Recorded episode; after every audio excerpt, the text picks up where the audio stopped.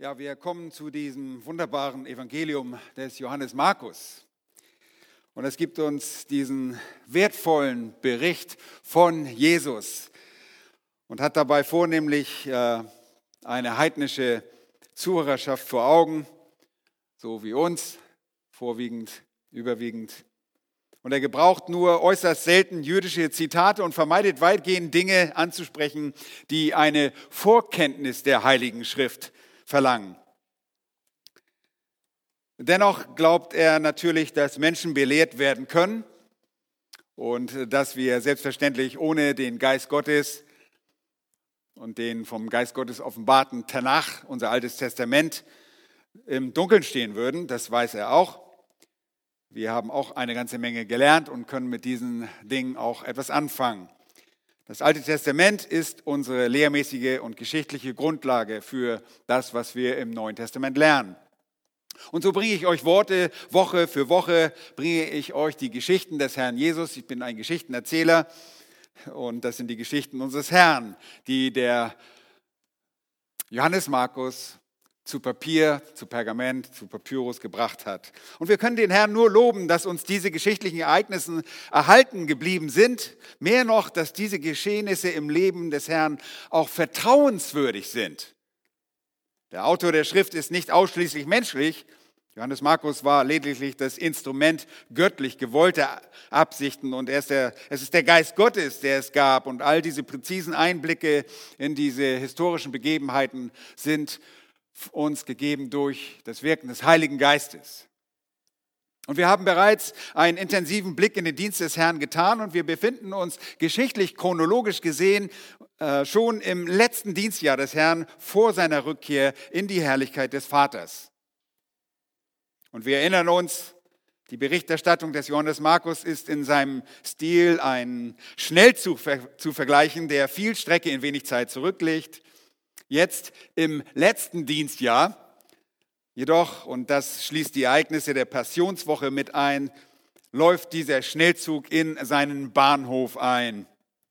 Die Reisenden können bei langsam werdender Geschwindigkeit des Zuges mehr Details erkennen. Und dieser Bahnhof ist das Kreuz und die Auferstehung des Herrn, der Sieg und die Zahlung des Lösegeldes an Gott, den Vater, für alle Glaubenden.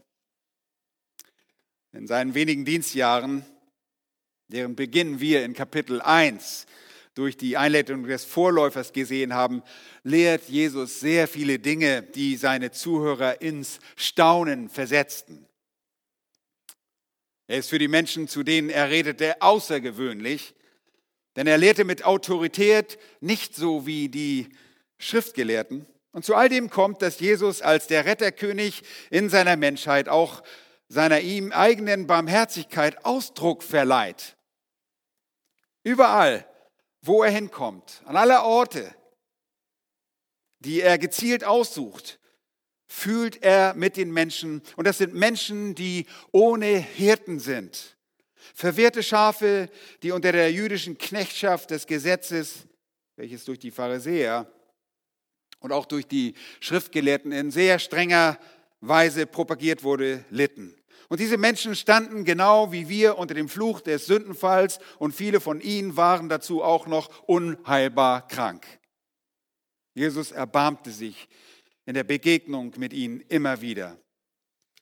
Er verweigerte diesen geplagten Seelen nicht die für ihn geringe Hilfe, die er für ihre Gesundung aufbringen musste. Aber die Heilung waren niemals, und das haben wir mehrfach betont, es war niemals seine primäre Absicht. Sie waren nicht das eigentliche Ziel und, das Zweck, und der Zweck seines Kommens. Jesus kam, um sein Leben zu geben, um die verlorenen Schafe des Hauses Israels und letztlich alle Verlorenen durch seinen Sühnetod zu retten. Er kam, um es mit Markus selbst auszudrücken, um sein Leben als Lösegeld für die vielen Glaubenden aller Zeitalter zu geben. Und um zu glauben, mussten die Menschen in Israel und Umgebung zur Einsicht darüber kommen, wer Jesus war. Und diese Einsicht sollte der Herr ihnen gewähren, indem er sie belehrte. Im ersten Kapitel des Markus-Evangeliums erklärte der Herr seinen Jüngern den Zweck seines Kommens. Und ich habe diesen Vers wiederholt auf angeführt. Und ich hoffe, ihr, ihr werdet euch immer nachhinken. Ihr werdet immer daran denken. Da heißt es, lasst uns in die umliegenden Orte gehen, damit ich auch dort verkündige, denn dazu bin ich gekommen.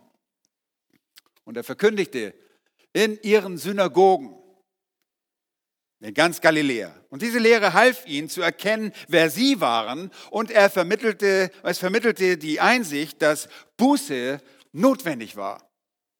Seine Lehre steht in seinem gesamten Dienst im Vordergrund. Er offenbart sich darin und erweist sich auf diese Art und Weise in Gnade und in Wahrheit. Und da Jesus der Sohn Gottes ist und sich seiner Gottheit nie entledigte, sondern nur zusätzlich Mensch wurde, ohne seine Gottheit aufzugeben, hatte er auch immer göttliches Erbarmen. Und das in einem besonderen Maße auch mit den Besessenen, mit den Schwerkranken, mit den Unreinen, mit den menschlich gesehen hoffnungslosen Fällen. Einige der geistlich Toten, und das sind hoffnungslose Fälle wie du und ich, denen gab er ewiges Leben. Die hat er zum ewigen Leben erweckt, ihnen Glauben gegeben und so Leben ohne Ende, ewiges Leben. Und Johannes Markus berichtet uns sehr bald von den Widerständen, und Schwierigkeiten, die Jesus in seinem Dienst widerfahren. Und diese Erschwernisse werden zum einen von den Menschenmassen verursacht, Menschenmassen, die sich um den wundervollbringenden Rabbi überall so drängten, dass Jesus schon bei Zeiten nicht mehr in die Ortschaften gehen konnte und nicht mehr die Ortschaften aufsuchte, um dort zu wirken, sondern dass er es bevorzugte, einsame und abgeschiedene Orte aufzusuchen. Zum anderen gab es neben seiner Popularität auch ein paar Gruppen, die überhaupt kein Interesse daran hatten, dass Jesus, der Sohn Gottes, in ihrem Herrschaftsgebiet Wahrheit verkündigte. Nun, da waren die Herodianer, die dem Herodes Antipas ergebenen Loyalisten. Da waren die Pharisäer, die sich als Hüter des Gesetzes betrachteten, aber eigentlich alles andere als das waren. Denn zusammen mit den Schriftgelehrten machten sie das Gesetz durch ihre eigenen ähm, Traditionen ungültig und dichteten menschliche Lehre zum unfehlbaren Wort Gottes, dem inspirierten Tanach, hinzu. Sie alle nahmen Anstoß an ihm und diese betrügerischen Arbeiter trachteten ständig danach, Jesus nur von einem einzigen Irrtum und Fehltritt, Fehltritt überführen zu können. Sie lauerten ihn förmlich auf. Und aus den verfeindenden Pharisäern und Herodianern wurden sogar aufgrund einer neuen Feindschaft mit Jesus augenscheinliche Freunde. Aber es gelang den Feinden nicht, Jesus nur einer Sünde zu überführen.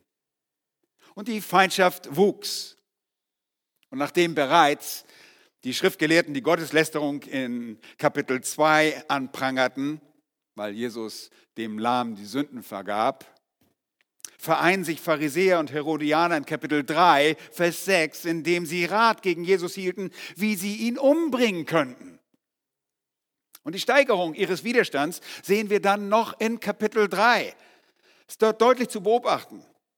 Und das ist ganz deutlich zu sehen in der Blasphemie der Schriftgelehrten die eigens aus Jerusalem gekommen war, um ihn einer Sünde zu überführen, einen Fehler zu finden. Sie verbreiteten von Jesus nämlich was? Sie sagten, er hat den Beelzebul und durch den Obersten der Dämonen treibt er die Dämonen aus. Und diese Sünde, die die Sünde wieder den Heiligen Geist ausmachte, führte Jesus dazu, in Gleichnissen zu lehren, um alle Wahrheiten vor den verhärteten Herzen dieser seiner Gegner zu verbergen. Gleichzeitig diese Wahrheiten aber den Sein in einer sehr verständlichen Art und Weise zu offenbaren. Das war der Zweck. Bei all dem, was geschieht, bleibt Jesu Souveränität nicht verborgen. Sicher mit seinem eigenen Fahrplan entgeht er geschickt allen Todesgefahren weil seine Zeit nicht gekommen war. Und zwischen bedrängender Popularität und feindseliger Opposition wählt Jesus einfach frei seine Männer, seine Jünger aus, die er dann in seine Gefolgschaft ruft. Und er zieht sie heran und er bildet sie sehr geschickt aus. Und wir haben das mehrfach beobachtet, wie wenig Verständnis dabei von Seiten dieser einfachen Männer, die jetzt Tag und Nacht um ihn waren, vorhanden war. Aber bei dem Herrn sind alle Dinge möglich und er wählt bewusst und gezielt, die er wollte und verändern konnte. Preis den Herrn, er hat auch uns gewählt, auch uns unmögliche Typen hat er gewählt. Das tut er heute noch genauso auf die gleiche Art und Weise, sonst wären du und ich nicht hier. Und Jesus wusste sehr wohl, dass der Widerstand und die Todesgefahr durch seine Feinde nicht durch seine Ausweichmanöver beendet werden können. Nein, in Kapitel 8 und danach Kapitel 9 und Kapitel 10 kündigt er wiederholt an, dass es die Ältesten, die obersten Priester und die Schriftgelehrten sein werden, durch die er verworfen und getötet werden würde. Der Tod durch sie ist sogar sein Ziel. Wir befinden uns jetzt in dem Text von Kapitel 7 vor diesen klaren Ankündigungen von Kapitel 8 und sehen Jesus auf einem seiner Rückzüge von den Feinden. Lasst uns den Text für heute zusammen lesen. Markus Kapitel 7, die Verse 31 bis 37. Und er verließ das Gebiet von Tyros und Zidon wieder und begab sich zum See von Galiläa, mitten durch das Gebiet der zehn Städte. Und sie brachten einen Tauben zu ihm, der kaum reden konnte, und baten ihn, ihm die Hand aufzulegen. Und er nahm ihn beiseite, weg von der Volksmenge, legte seine Finger in seine Ohren und berührte seine Zunge mit Speichel. Dann blickte er zum Himmel auf, seufzte und sprach, Ephata. Das heißt, tu dich auf. Und sogleich wurden seine Ohren aufgetan und das Band seiner Zunge gelöst und er redete richtig. Und er gebot ihnen, sie sollten es niemand sagen. Aber je mehr er es ihnen gebot, desto mehr machten sie es bekannt. Und sie erstaunten über die Maßen und sprachen, er hat alles wohlgemacht. Die Tauben macht er hören und die Sprachlosen reden. Zweiter Text. Ich möchte euch mit diesem Text und an diesem Text drei erbauliche Besonderheiten auf Jesu Reise durch heidnisches Territorium zeigen. Drei erbauliche Besonderheiten.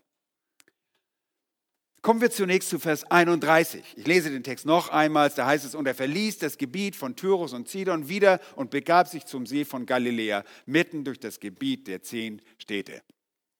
Nun, hier gibt es eine kleine Textvariante, aber es ist nicht unwahrscheinlich, dass Jesus durch Sidon reiste. Wenn ihr eine Studienbibel habt, dann wundert ihr euch vielleicht zu diesem Vers. Die Mekasa Studienbibel macht einen Kommentar und da sagt er ja, dass er durch Sidon reist. Sidon manchmal mit Z, manchmal mit S geschrieben. Äh, nun, es ist wahrscheinlich, dass er durch Sidon reiste. Ich bevorzuge diese Ansicht. Auf diese Weise machte Jesus nämlich mit seinen Jüngern einen großen Bogen um so nicht durch Galiläa, sondern durch das Gebiet von Philippus, dem Tetrachen, nämlich das Gebiet von Trachonitis im östlichen Norden, zum Fuße des Hermon zu reisen. Nun, auf diese Weise konnte Jesus mit den Jüngern an das Ostufer gelangen, ohne durch Galiläa zu reisen. Nun, die Textvariante ist, dass dort eine kleine Präposition in einigen Schriftstücken ist, eine Dia, eine Präposition, ein Wort durch Zidon. Er reiste durch Zidon. Und ich bitte euch, wenn ihr Zeit habt, schaut euch die Karten an, die biblischen Karten. Ähm, er war bereits in Syrophönizien. Diese Ortschaften befinden sich in Syrophönizien. Dort ist er zusammengekommen mit der syrophönizischen Frau, dieser Griechin. Und jetzt reist er weiter durch Sidon und macht diesen großen Bogen. Und ich nenne das auch die Nordreise unseres Herrn Jesus Christus. Und er zieht dort von Sidon dann Richtung Osten. Und dort ist da, Sidon liegt ungefähr in der Höhe von Damaskus, wenn man äh, weiter in den Osten zieht. Äh, dazwischen ist natürlich das große Hermon-Gebirge. Und irgendwo hat er sich wahrscheinlich Richtung Süden bewegt durch Trachonitis. Dort oben im nördlichen Teil von Trachonitis, das unter der Herrschaft von Philippus, dem Tetrarchen war, befand sich auch seine Residenz Caesarea Philippi. Dort sehen wir ihn dann später in Kapitel nochmals hingehen. Aber dort geht er über dieses Gebiet wahrscheinlich. Wir können das nicht definitiv sagen, aber äh, der Text sagt uns, dass er mitten durch das Gebiet der zehn Städte geht. Das sogenannte Gebiet Dekapolis, DK10, Polis, Städte, zehn Städte. Nun, die zehn Städtegebiet, durch das sie reisen, lässt mich diese Ansicht bevorzugen. Aber gleich noch ein bisschen mehr davon, ich will euch auch nicht verwirren. Ähm, Einfach nur dazu. Und wenn ich jetzt so den ersten Blick auf diesen Text mache, dann sehen wir da überhaupt nichts Besonderes dran. Und ich will euch drei Besonderheiten zeigen, erbauliche auch noch. Nun, diese Geometrie ist eher unerbaulich für euch. Wenn ihr euch überhaupt nicht auskennt, dann denkt ihr, meine Güte, ich weiß nicht mal, wo Hamburg ist. Und jetzt erzählst du mir noch was von Trachonitis und äh, von zehn Städtegebiet. Und guckt euch das bitte mal auf der Karte an. Das ist ganz interessant. Und doch ist es so, denn Jesus ist nicht allein. Und das ist etwas ganz Besonderes. Er hat seine Jünger auf dieser langen Reise um sich herum. Und das Besondere daran ist, er unterweist seine Jünger persönlich. Und jetzt denkt ihr, ja, das hat er schon immer gemacht. Ja, aber jetzt ohne störende Menschenmengen. Und das Erste, was wir auf seiner Reise feststellen konnten, war, dass, sie, dass sich Jesus ihn völlig widmete. Und ihr sagt, wo steht das denn? Ich sehe das ja gar nicht. Nee, wir sehen gar nichts. Wir sehen auf dieser langen Reise überhaupt nichts. Weder, dass er predigt, noch dass er sonst irgendwas tut. Aber wisst ihr was? Jesus saß nicht irgendwo in einem Wehrpool und ließ sich von den Jüngern massieren, sondern er arbeitete in ihrem Leben. Garantiert. Die sind nicht stumm nebeneinander hergelaufen. Und damit lehrte er sie ganz praktisch. Und das sehen wir schon allein durch diese Reise. Das erste, Punkt A, ist, Feinden kann man aus dem Weg gehen. Nun, die ganze Reise dient an sich schon als ein Lehrmoment. Jesu Lehre bezüglich der inneren Verunreinigung der Menschen in Kapitel 7 und die offene Korrektur der Lehre der Pharisäer die eine Verunreinigung durch Zufuhr von Speisen aufrechterhielten, verursachten wieder ein neues Unbehagen und neue Feindschaft bei all diesen religiösen Leitern.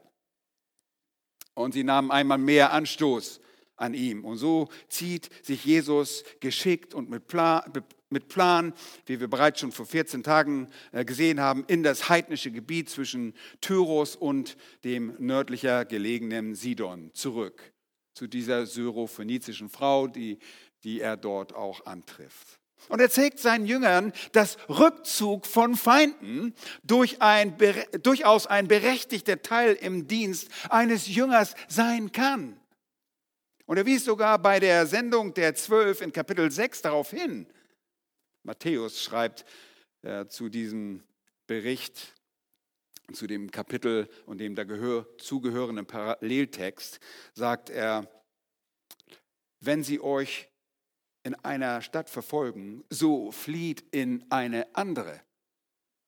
Ihr Lieben, das ist eine Möglichkeit. Die Jünger sind nicht über den Meister, sagt er, noch der Sklave über seinem Herrn. Es ist für den Jünger genug, dass er sei wie sein Meister und der Sklave wie sein Herr. Haben sie den Haushalt Herrn Beelzebul genannt? Wie viel mehr seine Hausgenossen? Wenn sie also verfolgt werden, ist es eine Option, auch diesen Feinden aus dem Weg zu gehen. Du musst nicht den harten Mann spielen oder die harte Frau und sagen, ich halte dieses Ding durch, sondern wenn es den Evangelium fördert, dann geh den Feinden aus dem Weg. Seht ihr? Hier lebt der Herr Jesus es ihnen vor. Die dem Herrn feindlich gesinnten Gruppen trachteten nach seinem Leben. Und es ist nicht nur Pflicht, dem Götzendienst und der Hurerei zu fliehen, sondern auch möglich, vor feindlich Gesinnten zu fliehen. Das sollte eine wichtige Lektion für ihr Leben werden. Und es würde nicht lange dauern und diese Feindschaft würde ihnen allein gelten. Sie als Repräsentanten des Herrn, als Botschafter Christi, sollten in Kürze den ganzen Hass und die Verfolgung durch die Feinde spüren. Und so konnten sie wissen, dass der Jünger nicht immer stillhalten muss, sondern dass ein Rückzug zum Erreichen von Gottes Zielen eine gültige Option sein kann. Und das ist das Erste, was hier deutlich wird. Aber vielleicht fragten sich auch die Jünger, welchen Stellenwert sie wirklich im Leben Jesu einnahmen. Und er sollte es ihnen auf dieser Reise mehr als deutlich genug zeigen. Er unterweist sie persönlich und zeigt ihnen nicht nur, dass sie von Feinden, dass sie Feinden aus dem Weg gehen können, sondern Freunden schenkt man oder gibt man die ganze Aufmerksamkeit. Der zweite Punkt. Freunden gibt man ganze Aufmerksamkeit. Und er hat es gesagt im oberen Raum, als er sich mit den Jüngern trifft, sagt er, ihr seid meine Freunde. Wenn ihr tut, was immer ich euch gebiete, ich nenne euch nicht mehr Sklaven, das könnte man so übersetzen, nicht äh, mehr nur Sklaven, denn der Sklave, der weiß nicht, was sein Herr tut. Euch aber habe ich Freunde genannt, weil ich euch alles verkündet habe, was ich von meinem Vater gehört habe. Johannes 15, 14 und 15. Und auf dieser Reise, die zwar auch ein temporärer Rückzug Jesu von seinen Feinden war, gibt Jesus seine, er gibt dort seine volle Aufmerksamkeit seinen mitreisenden Freunden. Und ich denke, dass die Zahl der mitreisenden Jünger hier reduziert war und er sich, er sich vornehmlich um diese zwölf kümmert.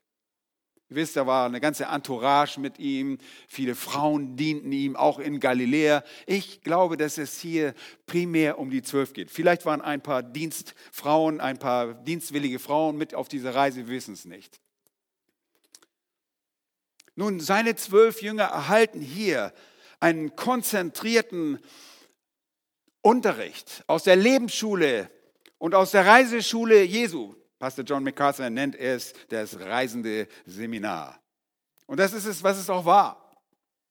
Eine konzentrierte Zeit der Vorbereitung für die zukünftigen Prediger der Wahrheit, an die er schon in weniger als einem Jahr die ganze Verantwortung der Lehre und Verkündigung abgeben wird.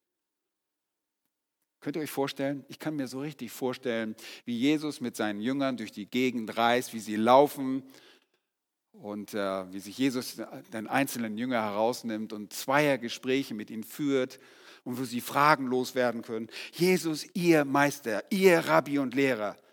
Und er wird diese Zeit genutzt haben, die Gelegenheit der Nähe ohne Ablenkung durch die immer präsenten Menschenmengen, um ihn, mit ihnen allein zu sprechen. Es ist das Argument aus dem Schweigen, aber das erscheint nur logisch zu sein. Sie waren auf einer langen Reise. Mehr als 200 Kilometer. Und ihr wisst, auf Reisen kann man Menschen richtig kennenlernen. Ihr wart sicherlich mal mit Leuten unterwegs, habt gesagt, oh, oh, jetzt kenne ich die Person tatsächlich. Und äh, manchmal überlebt man da, erlebt man da Überraschungen. Nun, der Herr Jesus lernt seine Jünger richtig auf dieser Reise kennen. Hier sind sie mit ihrem Herrn.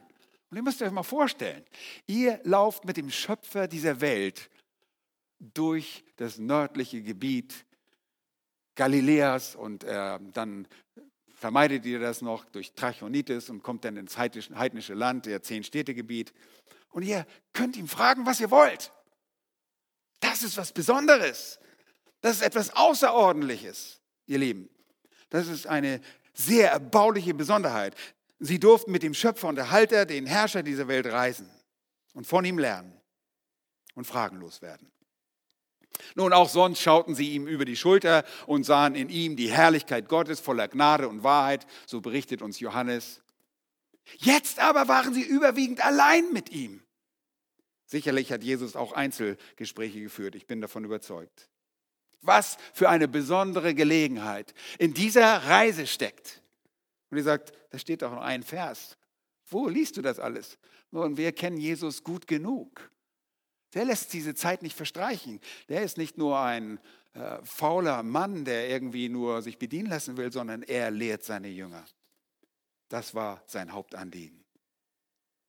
Eine besondere Gelegenheit. Sie lernten durch sein Vorbild und sahen, dass Rückzug von Feinden eine Option ist und dass sie wertgeschätzte Freunde waren, denen er die ganze Aufmerksamkeit gab.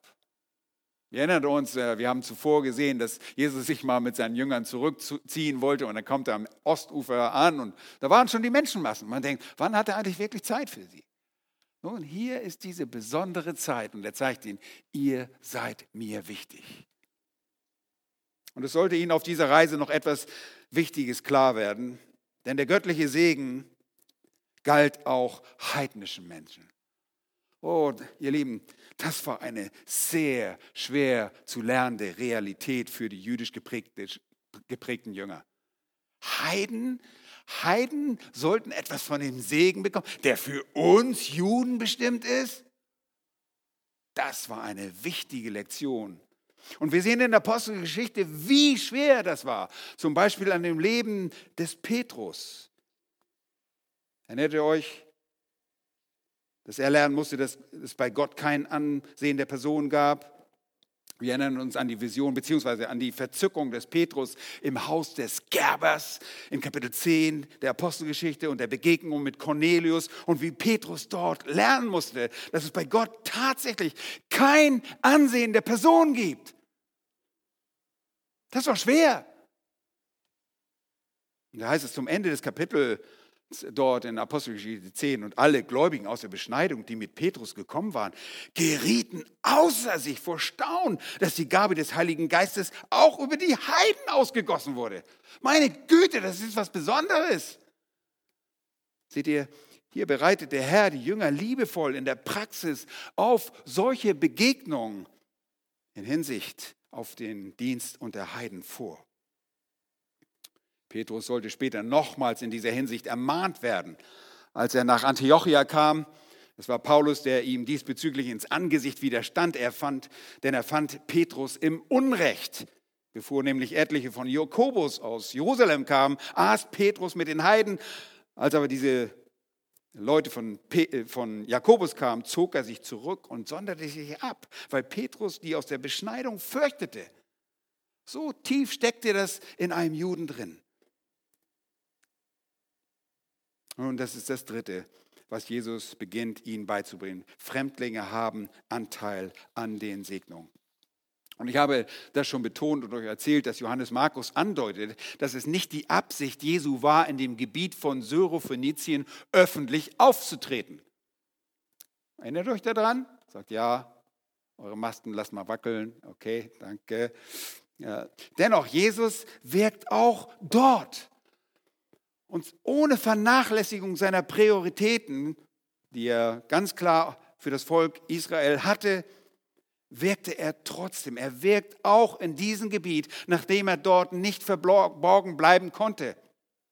Und er half einer heidnischen Frau, die sich in außerordentlicher Art und Weise vor ihm demütigte, die ihn als Messias erkannte, sich an ihn wendete und auch aufgrund ihres großen Glaubens die Hilfe für ihr besessenes Töchterlein erfuhr.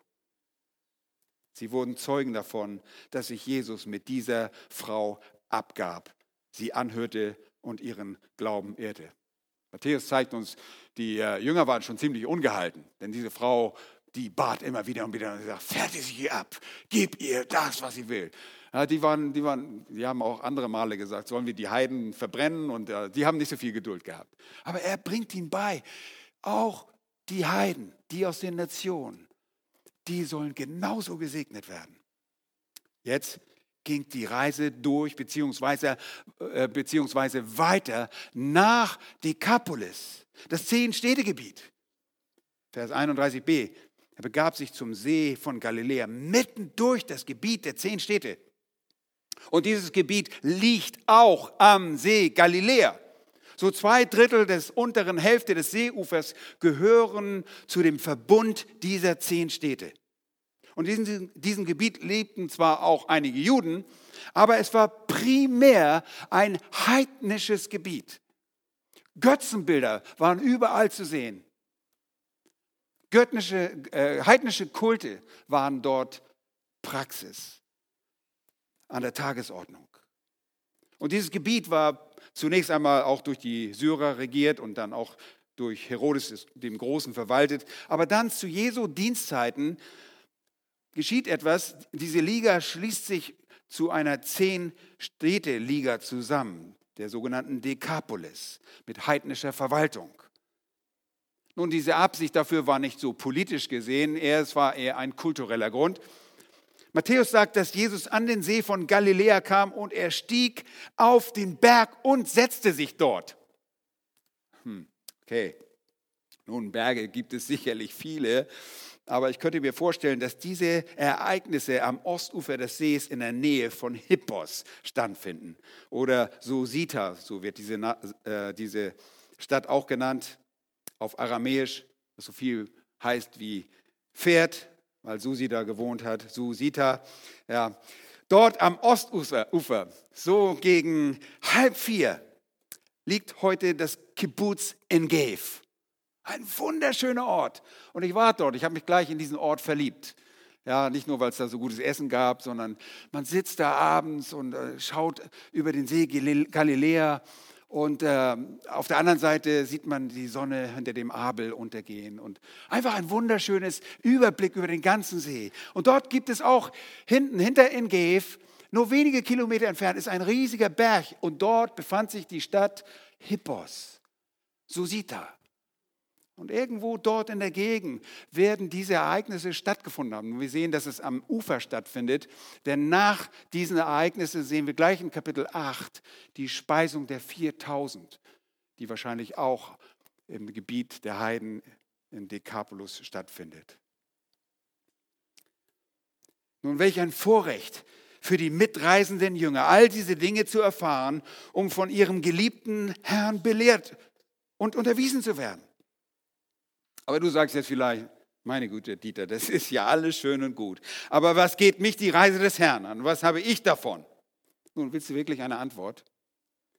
Als Kind Gottes hast du riesigen Nutzen von dieser Zeit Jesu mit seinen Jüngern. Ja, wieso habe ich großen Nutzen? Nun, wisst ihr, was hier genau geschieht? Er bereitet die Gabe vor, die dir zu Nutzen wurde. Ich sage es nochmal, ganz recht. Jesus bereitet sogar die Gaben vor, die uns als Kinder Gottes zunutze werden sollten. Erst in der letzten Woche haben wir bei der Predigt von Sam Epheser 4 gelesen. Und ich schlage das nochmal gerne auf. Ich gebe euch eine ganz kurze Erklärung. Ich muss aufpassen, dass ich mich hier nicht ausufer. Aber dort in Kapitel 4 spricht er davon, und wir haben gerade Himmel gefeiert, gefeiert dort in Vers 8, er ist emporgestiegen zur Höhe, hat Gefangene weggeführt. Nun, das sind keine Kriegsgefangene, das sind Errettete. Das war der Triumph, den er hatte. Jesus hat Menschen errettet. Er kam auf die Erde und rettete Menschen und hat Menschen, Gefangene weggeführt und den Menschen Gaben bzw. Geschenke gegeben. Ha, Geschenke gegeben. Was für Geschenke denn? Nun, die Antwort darauf kommt gleich in Vers 11. Gleich die Antwort. Und er hat etliche als Apostel gegeben. Das ist das Geschenk. Er hat sie gegeben. Diese Männer hat er uns gegeben.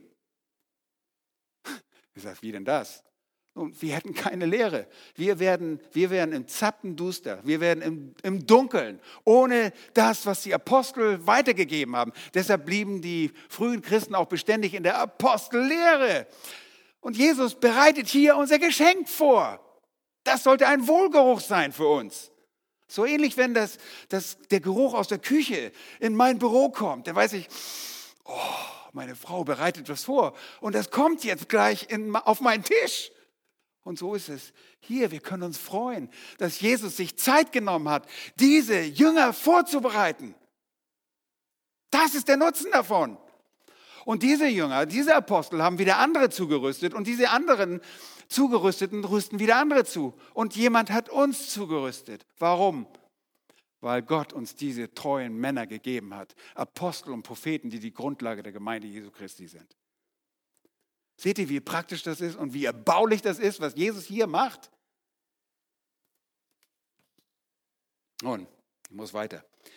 Zweitens, er bestätigt durch sein Erbarmen sich als, durch sein Erbarmen als der Gesalbte. Das sind die Verse 32 bis 36. was meine ich damit? Nun, lass uns noch einmal genau sehen, was hier geschieht. Ich muss ein bisschen Geschichte erzählen. Sie brachten einen Tauben zu ihm. Nun, sie kommen jetzt dort an. Sie sind in diesem zehn Städtegebiet angekommen. Und da sind auch wieder ein paar Scharen von Menschen. Wir können nur annehmen, dass sich die Wunderheilung oder die Austreibung dieser beiden Verrückten, die auf Jesus zukamen, dort am Ostufer äh, ein halbes Jahr zuvor, das so ausgebreitet haben, dass alle wussten von Jesus. Das hat sich rumgesprochen. Der Wunderheiler ist unter auf Weg. Der kommt ja mit einer Gruppe von Männern hier an. Und schon ist die Menschenmenge da. Vorbei mit der Ruhe. Seht ihr? Deshalb hat Jesus auch die Reisen ausgenutzt.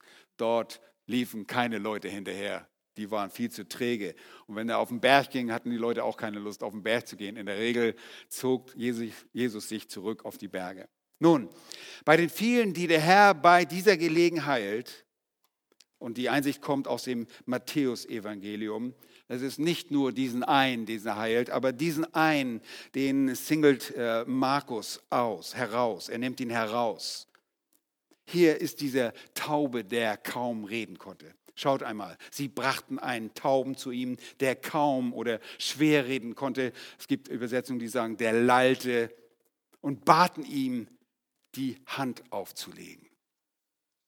Eben, Jesus erbarmt sich hier in diesem heidnischen Gebiet. Nun, ich, ich kann nicht definitiv sagen, dass es ein Heide war, aber sie sind definitiv noch im heidnischen Gebiet und ich gebe euch gleich noch die Erklärung dafür, was das bestätigt. Er nimmt diesen Mann beiseite. Er zeigt Mitgefühl an der Not eines Einzelnen. Er ist nicht nur eine Masse. Für Jesus sieht nicht nur irgendwie eine Masse, sondern er sieht diesen Einzelnen und er greift sich diesen Einzelnen und nimmt ihn beiseite. Wahrscheinlich sind nur ein paar Familienangehörige, ein paar Freunde dabei, aber die Menschenmasse ist nicht dabei. Und Sie wissen, das ist derjenige, der heilen kann. Das ist der, in dem wir unsere Hoffnung setzen für unseren tauben Freund oder Angehörigen. Er nimmt ihn beiseite, weg von der Volksmenge. Und jetzt sehen wir die Art und Weise, was hier passiert. Zunächst einmal, dieser Mann war offensichtlich nicht gehörlos geboren sondern hatte wahrscheinlich durch eine Erkrankung in früher Kindheit, möglicherweise durch einen viralen Infekt, das Gehör verloren. Auch das wissen wir nicht genau, aber irgendwie war das nicht ungewöhnlich zu der Zeit, dass man durch Viruserkrankungen oder durch irgendeinen Infekt auch das Gehör verlieren konnte. Und er konnte wahrscheinlich schon ein wenig sprechen, verlor aber dann die Fähigkeit zu hören. Und jemand, der nicht richtig hört, der kann Worte nicht präzise aussprechen. Über die Zeit wird das Reden ein Gelalle. Und die verständliche Artikulierung der Worte ist einfach futsch gegangen. Die ist einfach weg. Und aufgrund dieser Umstände wurden solche Menschen zu verschiedenen Zeiten der Geschichte als entweder geisteskrank oder verrückt angesehen, äh, als würden sie nicht richtig denken können. Bei den Indianern in Nordamerika war das sogar so, dass äh, diese Leute als Monster angesehen wurden und die wurden getötet. Völlig gesunden Verstand, aber man kann sie nicht ausdrücken. Ja, man hat gehört, man wusste vielleicht so und so war das. Und ich muss euch sagen, wir hatten bei uns in meiner Kindheit in der Nachbarschaft einen, so, einen solchen Mann, der seine, sein Gehör verloren hatte, schon früh in seinem Leben. Und ich habe Angst gekriegt, als ich ihn das erste Mal gehört habe, habe ich Angst bekommen vor diesem Mann. Ich war ein kleiner Junge und der war so laut. Und der hat irgendwie komische, komische äh, Geräusche von sich gegeben. Ich konnte das nicht einordnen. Ich wusste, ich dachte auch, der hat vielleicht, irgendwas ist nicht ganz richtig da. Aber diese Menschen sind völlig normal. Und schaut mal, was Jesus jetzt macht. Jesus identifiziert, was mit diesem Mann los ist. Und jetzt kommen ein paar symbolische Handlungen Jesu, die ganz deutlich zeigen, dass Jesus genau weiß, was mit diesem Mann los ist. Schaut mal, er legte seine Finger in seine Ohren. Man kann drei Finger in mein Ohr kriegen. Ich habe ein bisschen größere Ohren. Einige von euch haben da nur einen Knorpel hängen. Da passt vielleicht nur einen Finger rein. Aber zwei Finger, so hat John MacArthur das gemacht in seiner Predigt. So hat er gemacht bei denen. Ja? So reingesteckt und hat gesagt, hey, ich weiß, du hast ein Hörproblem. Du hast ein Hörproblem. Dann spuckt sich ja Jesus in die Hand und nimmt seinen Finger und wir denken an die Hygiene gerade und denken, jetzt berührt er seine Zunge damit. Meine Güte. Ja, aber genau das tut er. Das eine symbolische Hand. Ich weiß, du hast ein Sprachproblem, weil du ein Hörproblem hast. Und dann blickte er zum Himmel auf. Das ist nicht irgendwie ein besonderes Ritual, wo das geistlichen Wert hatte in sich und das man unbedingt durchführen müssen. Äh, nicht, dass man das irgendwie jetzt nachmacht als Arzt oder so, sondern das ist etwas, wo Jesus ausdrückt, ich bin von meinem Vater abhängig. Was ich jetzt tue, ist sowieso ein Werk meines Vaters. Er blickte zum Himmel. Seine Abhängigkeit zum Vater ist uns allen bekannt. Und dann blickte er auf zum Himmel und seufzte. Und zum Seufzen weiß ich nicht genau, was es bedeutet. Ich habe viel darüber nachgedacht. Vielleicht hat Jesus in dem Moment die ganze Last dieser Krankheiten gespürt. Ich habe sogar gedacht, vielleicht ist das seine intertrinitare Kommunikation mit dem Vater. Ich weiß es einfach nicht. Er seufzte. Das ist einfach ein viertes Zeichen. Und vielleicht hat er gesagt, oh, er nimmt Anteil an dem Leid dieses Mannes. Und dann spricht er, spricht er diesen Mann und sagt auf wahrscheinlich äh, Aramäisch und sagt, ey Vater, tue dich auf. Tue dich auf. Was sollte der Mann sich auftun? Nein. Die Ohren sollten sich auftun. Dieser Mann sollte hören. Nun, was passiert? 35. Sogleich wurden seine Ohren aufgetan.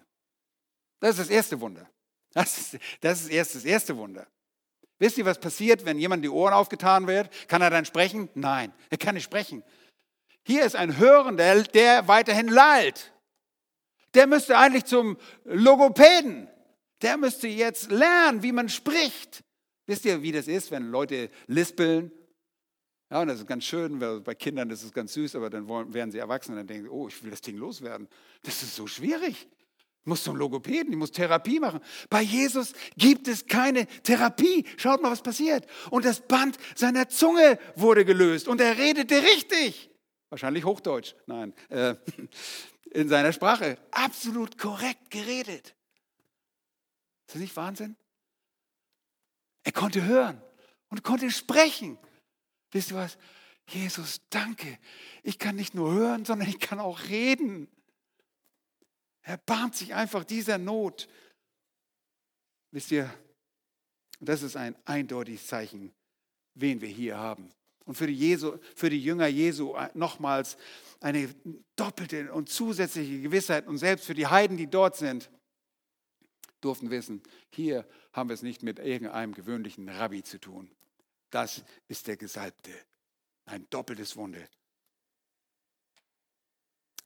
Und es gibt ein paar Verwandte herum, die fallen vom Hocker. Ja, die sind so überrascht. Noch Jesus weiß um die Gefahr der Sensationslust. Schaut einmal. Und das ist nur Gnade, dass er ihnen sagt, bitte, bitte sagt es nicht weiter. Sagt es niemandem weiter. Erst kann er nicht sagen und dann wird er geheilt und kann was sagen und äh, dann darf er nicht mehr sagen. Naja, okay. Und so ist es auch bei denen. Je mehr Jesus ihnen sagte, sagt es nicht weiter, desto mehr machten sie es bekannt. Ich meine, wir können die Leute verstehen, oder? Ich meine, hier passiert so ein wahnsinniges Ding und wir sollen das verschweigen. Aber Jesus wusste um diese Gefahr der Sensationslust und dieser Begierde nach mehr Sensation und Spektakel. Und er will das möglichst vermeiden, weil es niemandem hilft, wenn Menschen in Massen auflaufen und lediglich, lediglich Emotionen aufgewühlt werden. Wisst ihr was? Das ist ein Ausdruck von Jesu Erbarmen. Er sagt, lasst es sein. Es bringt nichts. Menschenmassen um uns zu lagern, bringt gar nichts. Soll der Verstand angesprochen werden. Ich möchte keine Sensationslust auslösen. Nun, in diesem Erbarmen erfüllt Jesus tatsächlich Prophetie, wie sie durch den Propheten Jesaja Kapitel 35 gegeben wurde. Und das ganze Kapitel ist einfach wunderschön. Ich sollte es mal durchlesen, es ist nicht sehr lang, ich werde aus Zeitgründen nur ab Vers 4 lesen. Da heißt es, und ihr seht es auch als den Wochenvers dort, äh, ich fange schon ein bisschen früher an, da heißt es, seht, das ist euer Gott, die Rache kommt, die Vergeltung Gottes, er selbst kommt und er wird euch retten. Vers 5 dort in Vers äh, Kapitel 35, dann werden die Augen der Blinden aufgetan, die Ohren der Tauben geöffnet werden, dann wird der Lahme springen wie ein Hirsch und die Zunge des Stummen Lob singen. Denn es werden Wasser in der Wüste hervorbrechen und Ströme in der Einöde. Dies ist eine Prophetie, die sich vollkommen erfüllt im Millennium, in der tausendjährigen Herrschaft Jesu auf Erden. Und hier sehen wir schon, der Messias ist schon da. Er hat schon bewiesen, dass er der Messias, der Gesalbte ist, der kommen wird. Nun, die Rache, die kommt noch. Hier sehen wir den Teil der Heilung, der Barmherzigkeit. Dieser barmherzige Gott, der auf die Erde kam, Mensch wurde und sich immer wieder dadurch erwies, dass er seine göttliche Barmherzigkeit unter Beweis stellte. Nun, es geschieht genau das, was hier steht. Die Zunge der Stummen werden Lob singen, werden preisen. Hier Drittens, er wird von Heiden bestaunt und gepriesen. Vers 37, sie erstaunten über die Maßen. Das ist ein Wort, das nur ein einziges Mal vorkommt. Über die Maßen. Das ist etwas, was äh, Leute können staunen. Jesus wurde bestaunt haben wir gelesen Markus Evangelium, als er anfing zu lehren, haben sie gestaunt über seine Lehre. Mensch, oh, Wahnsinn, wie der gelehrt hat, toll. Aber hier ein Staunen über die Maßen. Die sind regelrecht aus den Socken gefallen. Oder ich weiß nicht, wie man das sagen kann, aber die, die haben einfach gesagt, boah, meine Güte, was war denn das? Ja, könnt ihr euch das vorstellen? Die waren einfach völlig, völlig außen Häuschen. Außer sich ist eine gute Übersetzung. Außer sich zu sein. Wart ihr schon mal außer euch? selten, ne? Aber sie sprachen, er hat alles wohlgemacht. Und er löst dieses überdurchschnittliche Staunen aus. Das ist nicht nur, nur oh, Mann, Wahnsinn, ja, toll, richtig gut gemacht, sondern absolut geplättet sein. Du kannst eigentlich nichts mehr sagen. Doch, sie sagen was. Sie, sie sagen sogar was. Er hat alles wohlgemacht. Und das ist so wahr. Er hat alles wohl gemacht. Der Schöpfer hat alles wohl gemacht. Und das erinnert uns an 1. Mose 1. Als Jesus mit der Schöpfung fertig war, schaute er alles an und sagte, siehe, es war alles sehr gut. Und so hat Jesus hier bei diesem Mann alles sehr wohl gemacht. Der konnte perfekt hören. Der ist bestimmt vielleicht mal zu seinem Arzt gegangen, zu seinem Freund, hat gesagt, kannst du mal mein Ohr gucken? Ja, oh, so ein Ohr habe ich noch nie gesehen. Ein super Ohr. Ja, lutsch mir doch ein Ohr aus. Also, meine Güte, so ein gutes Ohr. Perfekt. Ja, und der konnte reden. Da war kein Lispeln, da war kein, kein, äh, kein nichts. Der war absolut reines Reden. Nun, wir sind zu abgebrüht und zu ab, zu kalt. Wir haben uns schon an all diese Dinge gewöhnt. Aber könnt ihr euch vorstellen, ein Mensch, der in der Gesellschaft nichts anfangen konnte. Vielleicht hat er Körbe geflochten in irgendeiner Ecke und so sein äh, Brot notdürftig vielleicht zusammengebettelt. Den Korb hat er hinterher benutzt, um Geld zu sammeln. Der jetzt absolut wiederhergestellt wird und fähig ist zum Leben, weil er hören kann. Und jetzt die wunderbaren Geschichten von Jesus hören kann, von seinem Retter, der jetzt sich physisch über ihn erbarmt hat. Und das braucht die Menschen dazu. Ähm, und Jesus braucht jetzt diese Menschen dazu, um sich selbst Lob zu bringen. Er bekommt Lob und er bewegt die Menschen zum Lobpreis. Erstens hat es überdurchschnittliches Staunen gegeben und zweitens bewegt er die Menschen zum Lobpreis. Und das haben wir gerade am Mittwoch gehört, dass auch die Heiden Jahwe loben sollen und dass es immer genug dafür Grund hat. Und wenn ihr das nicht gehört habt, das ist eins der besten Auslegungen, die wir je gehört haben zu Psalm 117. Hört sie euch bitte an, diese Predigt. Gott ist Grund, hat immer, da gibt es immer Grund zum Loben über seine Gnade und seine Treue. Und das erlebt dieser Heide jetzt. Und genau das ist der, das Thema dieses Psalms. Die Nationen, wir Nationen aus den Nationen sollen den Herrn loben. Matthäus ergänzt, und sie priesen den Gott Israels. Und das sagt mir, hier sind keine Juden gemeint, sondern hier sprechen Heiden. Okay? Sie, die Heiden, priesen den Gott Israels. Ich finde das eine erstaunliche Einsicht, die uns hier Matthäus dazu gibt. Das ist ein Hinweis, dass es sich hier überwiegend um Heiden handelte obwohl, wie ich sagte, auch in Decapolis einige Juden wohnten.